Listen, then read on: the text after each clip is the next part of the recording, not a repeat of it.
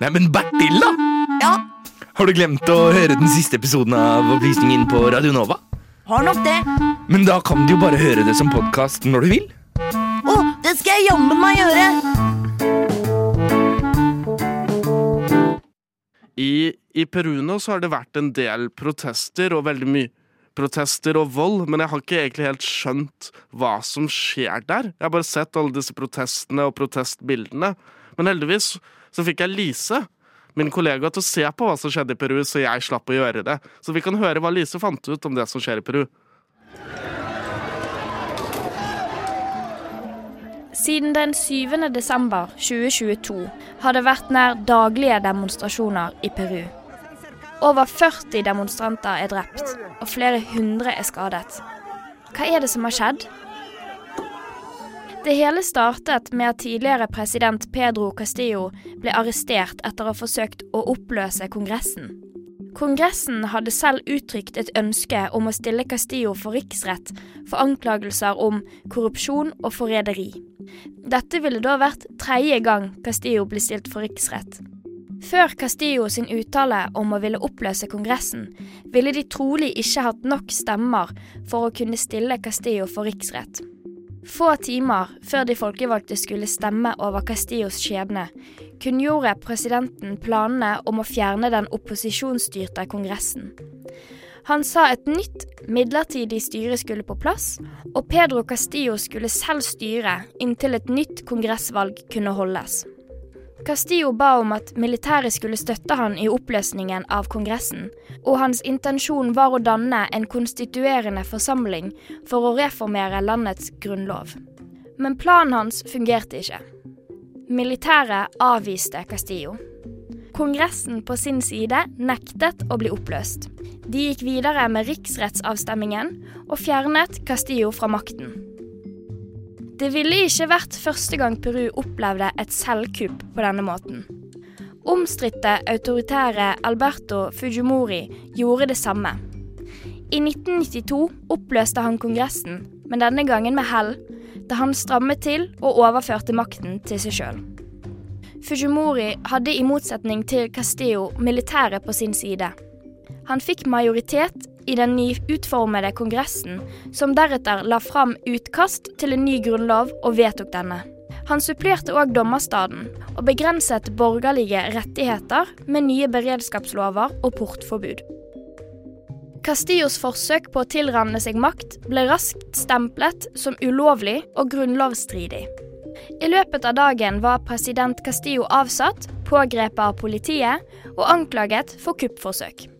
Verken politiet, hæren eller hans egen venstrekoalisjon reddet han. Castillo sitter nå i varetekt, og her skal han forbli i opp mot 18 måneder, mens påtalemyndighetene fortsetter etterforskningen av de kriminelle anklagene mot ham. Kongressen ga samme dag som Castillo ble avsatt, makten videre til visepresident Dina Boluarte. Dette er i seg sjøl historisk, da hun er den første kvinnelige presidenten i landets historie. Denne maktovertagelsen falt ikke i god jord hos alle.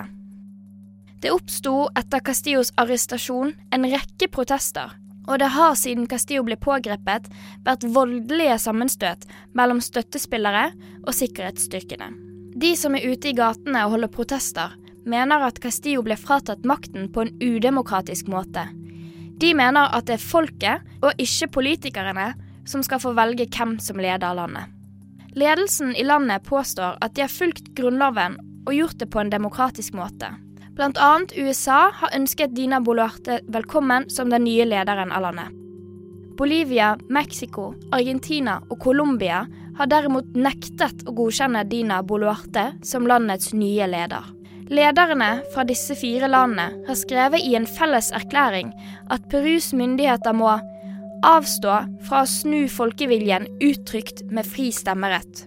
Det at USA og Bolivia, Mexico, Argentina og Colombia ligger på motsatte sider av denne saken, kan føre til komplikasjoner for den internasjonale politikken Peru videre kan føre.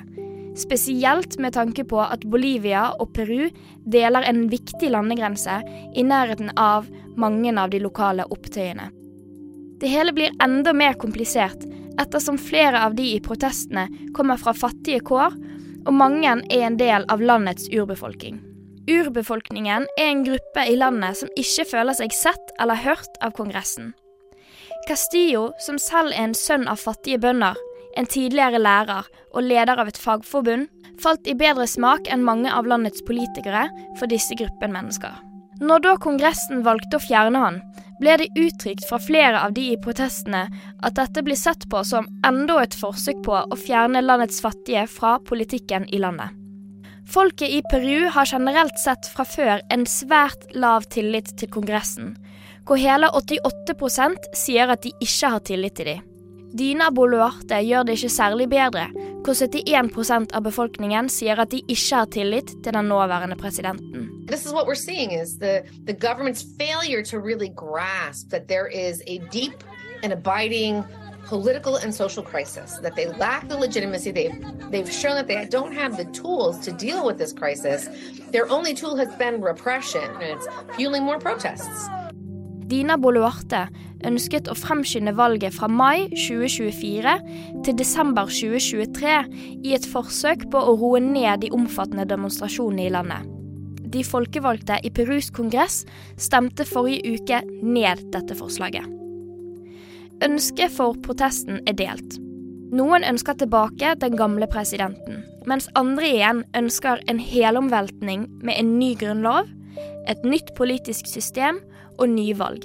Urbefolkningen ønsker flere rettigheter, i tillegg til å bli sett av landets politikere, og vil bli tatt på alvor i det politiske systemet.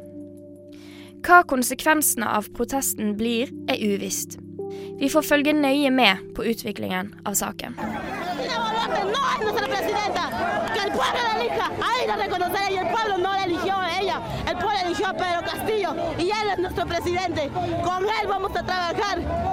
Ahora, si los congresistas se creen tan democráticos, que respeten, que respeten la voz del pueblo, que respeten que nosotros votamos por ese presidente.